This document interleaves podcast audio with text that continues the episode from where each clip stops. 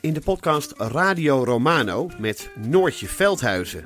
Met Marcel van Roosmalen. En met Roelof de Vries. Brengen we alle drie elke week een zogenaamde signalering mee. Wat heb jij nou weer bij je? En aan het eind bepalen we wie de winnaar van de week is. Echt een angstcultuur Lege huls die je er bent? Ja, dat gaat eigenlijk altijd onvriendelijk. Luister nu naar Radio Romano bij Podimo. Via podimo.nl slash Radio Romano luister je 30 dagen gratis. Je rijdt dus door een oorlogsgebied op een, op een vellig, terwijl het keihard regent en overal pikdonker wordt. Nee, we durven niet te stoppen. En je- eh, ja, eh, Joep is nooit bang. Joep Vermans, de kamerman, die was nu ook echt bang. Via podimo.nl slash gonzo luister je de eerste 30 dagen gratis naar Podimo. podimo.nl slash gonzo. Hallo, dit is de wekelijkse podcast van de Groene Amsterdammer. Ik ben Kees van der Bos. Dacht dat iemand zo eh, tegen het bed aan het schudden was. En dat was best wel eng. Dus ik ging heel diep in mijn dekens liggen. Ik werd wakker en toen eh, hoorde ik eerst een doffe dreun. En toen zag ik alles heen en weer schuiven. Nou, mijn deken was afgevallen.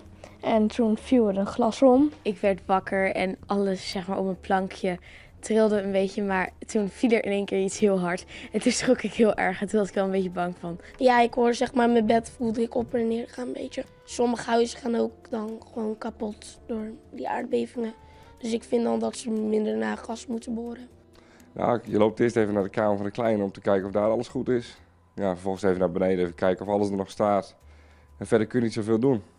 En dat is ook een beetje het gevaar. Je zit te- te wachten op iets wat, eh, wat je nooit weet wat er gaat gebeuren. Dat is het, eh, het grootste en het meest enge van de aardbevingen. Als je elke avond met de wetenschap wat hier loopt eh, gaat slapen, dat je niet meer rustig slaapt.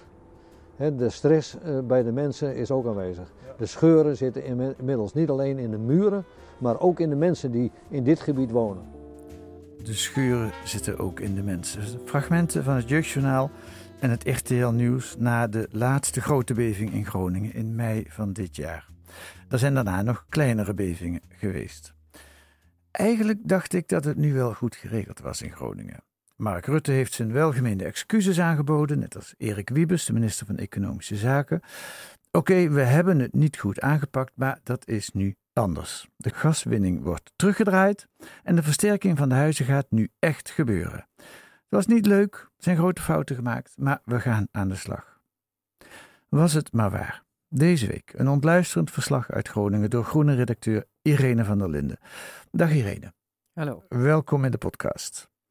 Was jij net zo naïef als ik mezelf net schilder toen je aan dit verhaal begon? Nou, dat, eh, ja, voor een deel wel. Ik denk dat de, de framing dat het in de Groningen nu al echt de goede kant op gaat en eh, snel wordt opgelost, dat is, die is echt heel sterk geweest. Ik be- ben er met dit verhaal al begonnen in het voorjaar. En dat was eigenlijk de tijd van de excuses en het van, we gaan het nu anders aanpakken. Ja. En eigenlijk van de, af de eerste moment dat ik daar binnenkwam, zag ik al dat mijn eh, ideeën niet klopten. En eh, ik, ik was bij een presentatie in Zeerijp van eh, de, de geweldige bundeling van, eh, van stukken van het Dagblad van het Noorden. Dat heette Ik Wacht. En die hadden een serie waarin ze elke dag een- iemand portretteerde over wat er met hun huis gebeurde en hoe het ervoor stond. Mhm. En, en het was in een kerk van Zeerijp en die hele zaal zat vol met Groningers en allemaal mensen die daar, dus bewoners uit de buurt. En ook de minister kwam spreken, minister Wiebes. En ik voelde echt een soort, in zo, er was zo'n boosheid. Het was zo enorm, ook toen hij opkwam, het was al meteen, en voelde je al iets zinderen in die zaal. En op het moment dat hij begon te praten, was het echt boe en de, stok, de bordjes gingen omhoog. En, eh, dus het was gewoon, en toen heb ik ook met heel veel mensen gesproken. En toen realiseerde ik me, ja, maar dit, dit is nog lang niet voorbij. Nee. En opgelost is het al helemaal niet. En die grote boosheid, dat, was, dat verraste je? Nou, kijk, we wisten natuurlijk allemaal eh, dat, dat Groningers boos waren om de, al die jaren die ze al hadden moeten wachten. Hè? Want eh, je hoorde het net ook in het fragment, maar in eh, het woord ik wacht of we wachten, dat past wel erg, hangt wel een beetje boven die provincie. Maar ehm, ja, die, uiteindelijk die boosheid ook verbaasde me wel. En dat het in dat, het, dat zij niet dachten van nou wat fijn, uh, we, we, het wordt nu, we worden nu eindelijk geholpen. Of uh, wat fijn, de, die excuses zijn gemaakt. Nee, ze waren nog net even boos. En ja, het was natuurlijk ook mosterd naar de maaltijd of uiteindelijk heel laat. En ze werden nog steeds niet geholpen. Ja, nou daar komen we allemaal nog op. Je, je, je noemt het een ramp in slow motion. Wat, wat bedoel je daarmee? Nou, dat zeiden ook heel veel mensen die ik daar sprak. Die zeiden weer, als, dit, als er een één hele grote aardbeving, als wat er nu allemaal gebeurd is, op één dag gebeurd was, hè, wat met een ramp is, Mhm. al die huizen, al die scheuren, al, dat, uh, al, die problemen die er nu zijn, dan zou je het meteen een ramp noemen. Dan zou het een geweldige ramp zijn. Ja, ja. en dan zouden er meteen hulptroepen komen en zo van, nou, wat dat hier gebeurt, wat erg. Hè. Stel, dat het was een hele zware aardbeving geweest, dan gaan we, gaan we helpen. Maar dit gaat langzaam, één aardbeving, dan nog één en dan nog één. Al die aardbevingen op elkaar, ja. die, die, die zorgen natuurlijk voor ontzettend veel schade. En omdat het over de jaren heen is, zie je het minder. En de ramp in motion is ook iets wat, wat uh, hulpverleners, zoals ze het daar noemen. En ze zeiden, ik sprak ook iemand van de GGD Groningen. En zij zei, ja, wij, wij gebruiken dit woord ook, wij beschouwen dit ook als ramp. En ook op die manier moet behandeling van mensen, zoals we dat bij rampen zouden moeten doen. Ja, ja.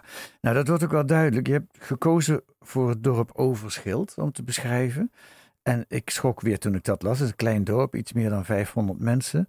Maar in dat dorp moet 80% van de huizen worden afgebroken. En ja. die andere 20% moet ook wat aan gebeuren. Uh, je kunt je je bijna heel niet voorstellen, maar zo'n heel dorp moet dus opnieuw gebouwd worden ja. eigenlijk. Ja.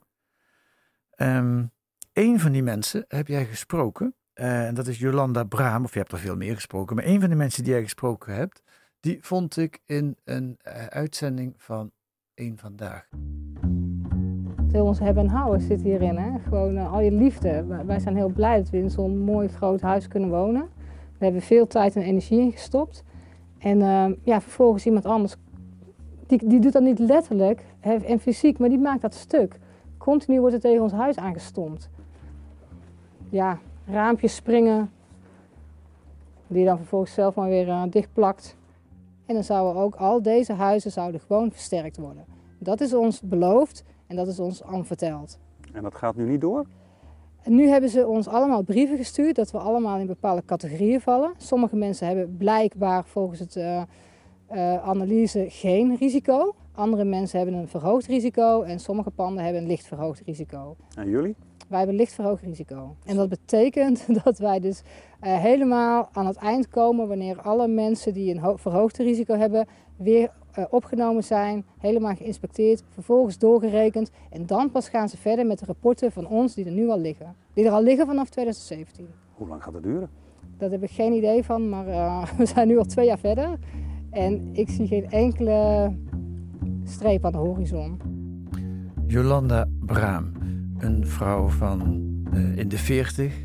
en je hebt daar ook gesproken. Ze heeft het over een driedeling in het dorp. Wat is er aan de hand? Ja, dit is een, een, een, een ongelooflijk verhaal. En eigenlijk zegt dat dit, ik heb dit ene dorp als voorbeeld genomen, ook al in een vorige artikel. Omdat het eigenlijk zoveel vertelt over de hele situatie in de aardbevingsregio.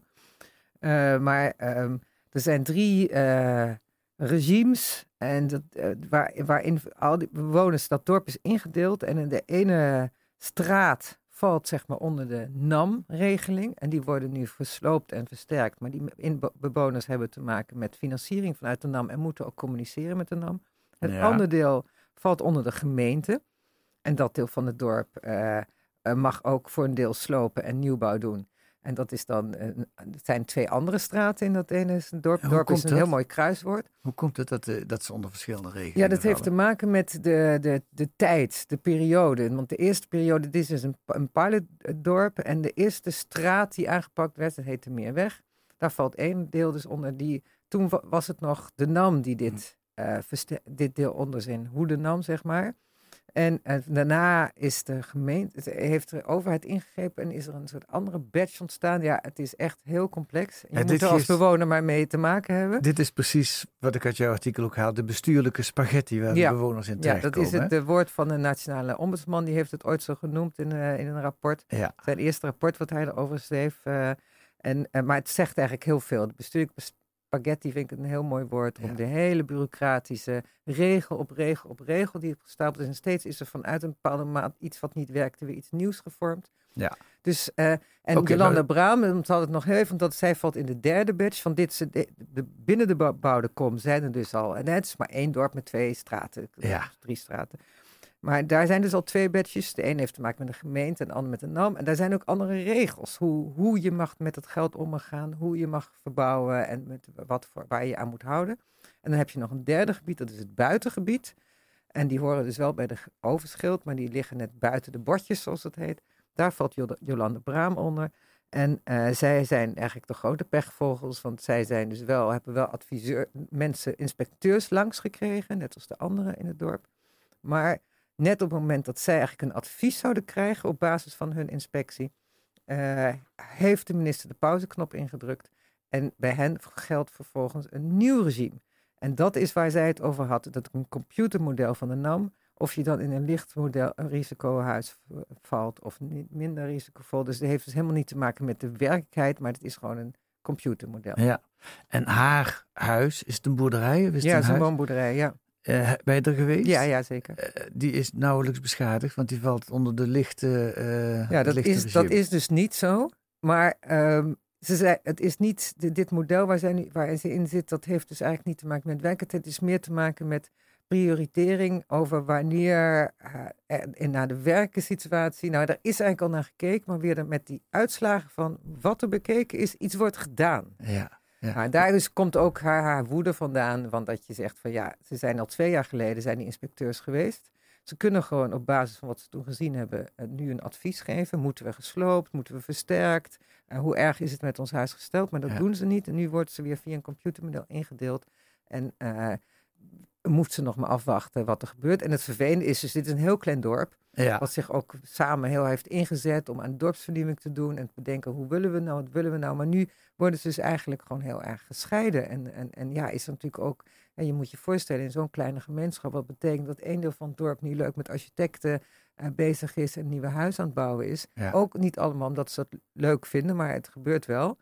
En het andere deel, ja, die wacht maar. Ja. Nog steeds. En voor de duidelijkheid, Jolanda Braam in haar eh, boerderij met haar man zit ook te wachten. Ja. Maar dat betekent niet dat die boerderij er ongeschonden uitgekomen is. Hoe ziet die Nee. eruit? Beschrijf dat eens. Nou, ze heeft het me laten zien. Er zitten echt enorme scheuren van binnen en eh, buiten in de muur ook. Er zijn al wokkels getrokken, dat doen ze zelf. Ze hebben ook zelf Wat zijn dat, wokkels? Ja, wokkels, ja, dat, dat zijn ook van die. de- de- de- Het is ook een soort nieuwe termen die je er allemaal leert. Maar wokkels zijn stalen ja, eh, eh, draden, eigenlijk in de vorm van een wokkel. En die je om een huis heen, om de stenen heen trekt in de zorg. En dat is eigenlijk ook een beetje, ja, om te zorgen dat het niet uit elkaar valt. Oké. Ehm, in diezelfde uitzending van één Vandaag zat ook de wethouder van Overschild, Anja Voortman. En die zei het volgende. Minister Wiebes heeft eh, besloten de gaswinning naar beneden eh, eh, te doen en uiteindelijk te stoppen. Hij heeft toen ook de versterkingsoperatie stopgezet, omdat hij zegt ik wil eerst kijken naar de aanpak. De aanpak gaat niet goed en niet snel genoeg en dat was ook zo. Ehm, maar ja, we hadden mijn inzien die aanpak moeten verbeteren en ja, niet moeten stopzetten. Ja, en dat heeft voor dit dorp met name wel bijzondere consequenties, doordat hier nu drie verschillende groepen mensen ontstaan. Ja, zij heeft het ook over die drie groepen mensen. En ze maakte geen gelukkige indruk eh, in dat fragment. Nee. Eh, je hebt er ook gesproken? Ja. En ik begrijp dat ze er inmiddels mee gestopt is. Ja, net voor, vorige week heeft ze de aftreden aangekondigd. Ja. Waarom? Omdat ze het eh, gaswinningsdossier te zwaar vindt om eh dat te combineren met haar persoonlijke situatie, privésituatie en haar kinderen. Mm. Het is La- ook iets, hè, ik kreeg ook een reactie van een inwoonster Klaasje Pen uit het dorp. Die zei, ja, weer een slachtoffer.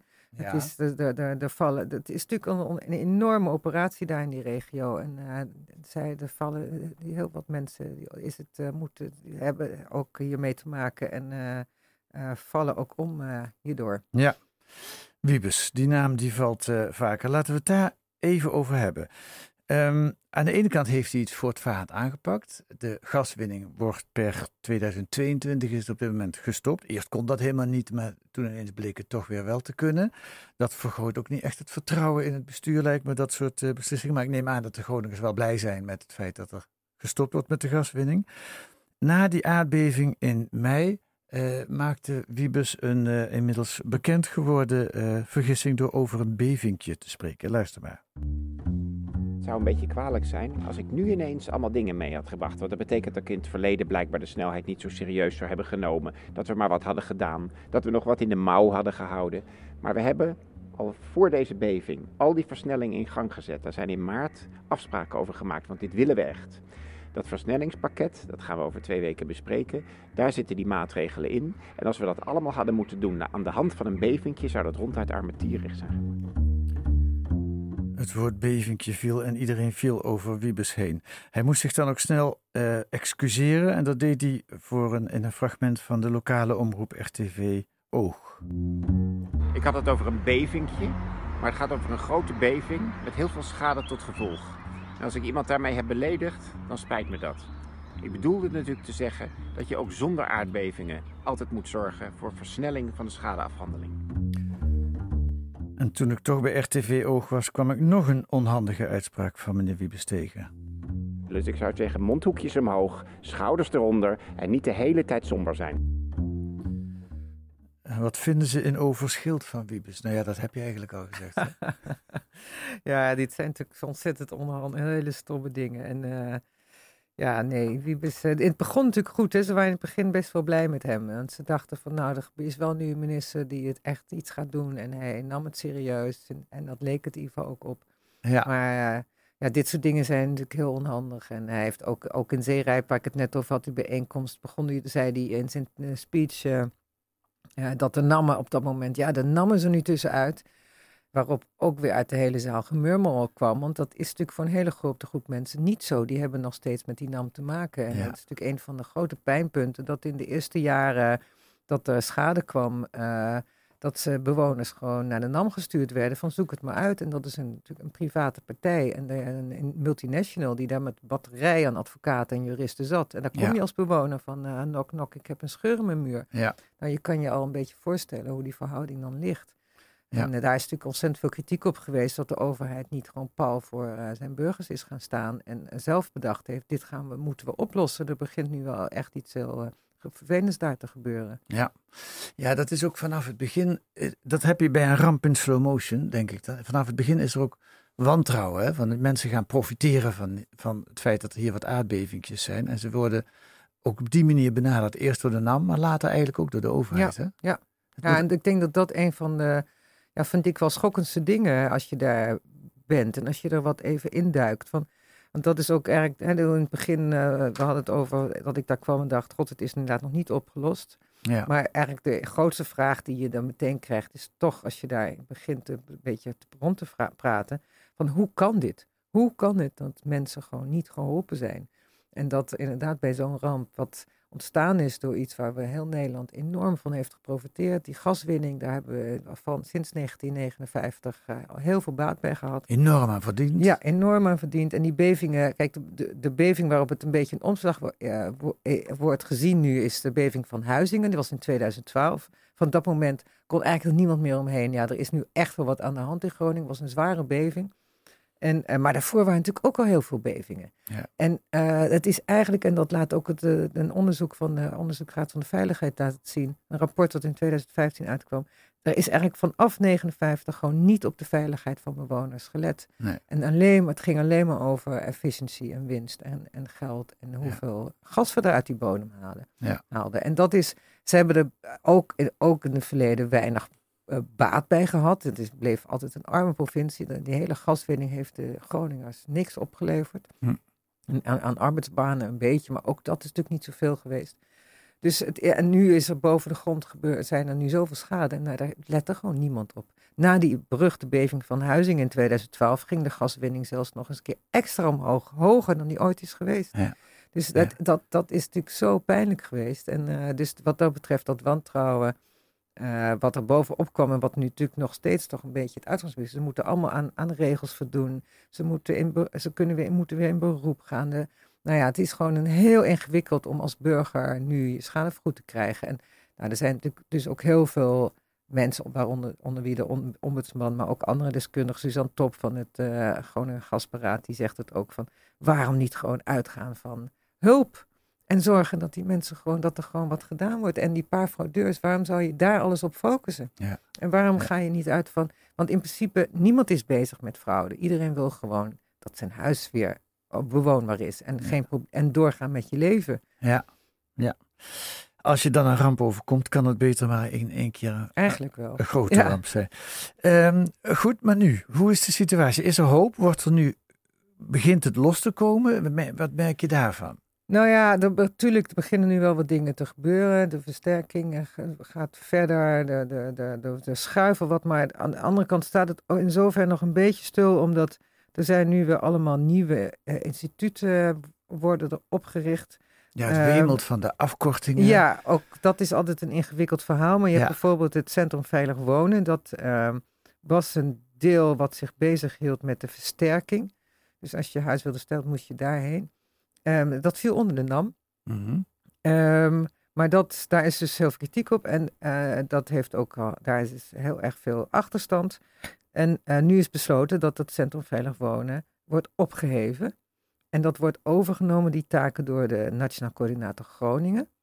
Maar dat, is eigenlijk, dat moet dus een uitvoeringsorganisatie worden. Maar dat is, was eigenlijk ooit opgericht als regieorganisatie. Begrijp je het nog? maar je begrijpt, bij het Centrum Veilig. Wonen werken 200 mensen die Ja. er al vier jaar met dit onderwerp bezig zijn. Dat wordt dan opgeheven. En die moeten dus weer opgaan, die worden allemaal ontslagen. Die moet, en, dan moeten dus, en dan wordt een andere ins- instelling wordt gereorganiseerd. Dus nou ja, iedereen kan begrijpen dat dat natuurlijk tijd kost en ook weer vertraging. En wat is de zin daarvan? Waarom moest dat opgeheven worden? Nou ja, dat is, heeft dus te maken met die kritiek dat, burger, dat te veel mensen met die NAM te maken hadden. En Hm. eh, nu is het zo geregeld dat de, NAM, de overheid zeg maar, het geld aan de achterdeur met de NAM regelt. Dus de betalingen, want de NAM moet wel voor een deel van die schade eh, eh, betalen. Maar Maar, de dat de burgers in ja. principe alleen nog maar met een overheidsinstantie te maken hebben. En dat is dan die Nationaal Coördinator Groningen, Ja, NCG. ja, ja. Dat gaat nu vallen onder trouwens, want dat is een andere verandering onder Binnenlandse Zaken. Ja. En in plaats van alles tot nu toe viel onder economische zaken, hè, vandaar ook minister Wiebes. Dus nu gaat een deel, eh, een deel van de taken gaat naar eh, Binnenlandse Zaken. En een ander deel, de schadeafhandeling, dat blijft bij economische zaken. Om Ja. maar een ingewikkeld punt te noemen. Dus nu hebben burgers te maken met twee loketten. één loket voor schade en één voor versterking. Dat was al zo. Maar nu vallen die eh, verschillende loketten ook nog onder een andere ministerie. Wanneer is het klaar in Groningen? Nou, ik denk dat dat nog wel heel lang duurt. Er komt volgend jaar een parlementaire enquête. En ehm, nou, daar, het zal niet heel veel nieuws opleveren, maar het zal natuurlijk denk ik wel, het is in ieder geval belangrijk genoeg om hier de- verder eh, uit te gaan zoeken wat hier, hoe het hier nou, wat hier mis is gegaan Ja. en hoe dit kan. Tot slot, je hebt ook gesproken met Reinier van Zutphen, de nationale ombudsman. Dus zijn naam viel al eerder. Hij heeft ook rapporten geschreven, of een rapport in elk geval over Groningen. Hij, is, eh, hij was ook heel kritisch, hij is boos. Ehm, en hij zei in dat gesprek, dat vond ik wel interessant, dat hij het eigenlijk ook, ook een symptoom vond van iets groters. Wat bedoelde hij daarmee? Nou ja, dat is, dat is ook iets wat, wat mij opviel. Want als een overheid met een hele regio eh, zo omgaat, dat zegt iets over de overheid. Het kan niet meer zo zijn. Hè, dat zegt iets over hoe, hoe er in Den Haag met een bepaalde, met, met een groot deel van burgers die eh, lijden onder wat er gebeurd is, Mhm. eh, door wat de overheid gedaan heeft ook. Ja, dat, dat is gewoon symptomatisch. En dat hele, dat uitgaan van dat wantrouwen. En dat uitgaan van eh, wij tegen zij. En dat, dat je burgers niet er gewoon voor gaat staan. En in principe denkt van daar gaan we alle hulptroepen naartoe zenden. En zorgen dat ze zo snel mogelijk gewoon die huizen hersteld zijn. En eh, laten we eerst eens even stoppen met het gas. Eh, of laten we dat in ieder geval zo verminderen. Het is heel moeilijk, maar we gaan het niet doen. En dan gaan we even verder kijken. Maar dit is nu het belangrijkste. In plaats van allemaal instellingen en instituten en, en deskundigen en rapporten en onderzoeken laten doen. En waardoor er gewoon nu zo'n muur is voordat je überhaupt ergens uitkomt als burger. Dus ik vind het wel symptomatisch. En dat is ook wat hij, waar hij het over had, wat hij zorgelijk vindt. En waarom? Wat bedoelt hij met, gebeurt dat ook op andere vlakken? Nou, je ziet het natuurlijk op heel veel vlakken gebeuren. Ehm, kijk maar wat nu eh, gebeurt met de, uitkering, wat met de uitkeringen gebeurde over de, de, de Participatiewet. kind- parti- participatiewet. Ja. En, de ik- evaluatie van het Centraal Planbureau is de wet werkt niet. En eh, de staatssecretaris scherpt het dan nog eens een keer aan. Ja.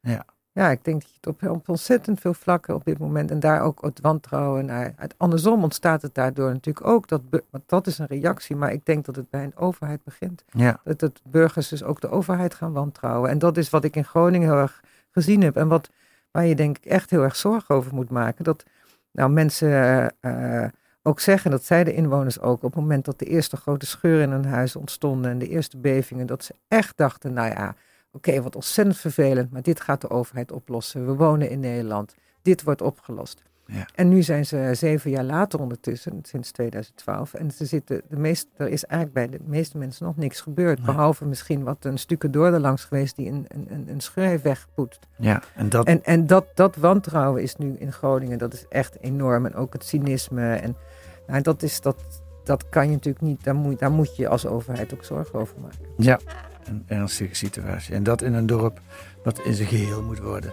afgebroken en opnieuw moet worden opgebouwd. Het is bijna niet voor te stellen dat dat in Nederland gebeurt. Nee, hè? Nee. Dankjewel, Irene van der Linden. Lees deze week in De Groene ook een onderzoek naar de bewindvoering over hulpbehoevenden in de zorg. Sinds het vijf jaar geleden mogelijk werd, zorginstellingen en dan vaak op oneigenlijke gronden kritische bewindvoerders en mentoren aan de kant. En een tweeluik over de Britse verkiezingen met reportages uit Schotland en het voormalige staalstadje Corby, waar de stemming nog alle kanten op kan gaan en conservatieven zich richten op de linkse Brexit-stemmer. Dat allemaal met het artikel van Irene van der Linden deze week in De Groene. Wilt u een proefabonnement op De Groene? Ga dan naar groene.nl. Krijgt dan voor 10 weken De Groene voor 15 euro in de bus. Groene.nl. En volgende week zijn wij er weer met analyses en achtergronden bij het nieuws in deze podcast van de Groene Amsterdammer. U kunt ons ook sterren geven in de podcast-app, dan krijgen we meer luisteraars. U kunt ons ook rechtstreeks mailen via het mailadres podcast.groene.nl. Podcast.groene.nl. Deze week werd de Groene Podcast gemaakt door Tobia Palm en Kees van der Bos. En de muziek is A Tune for N van Paul van Kemenade.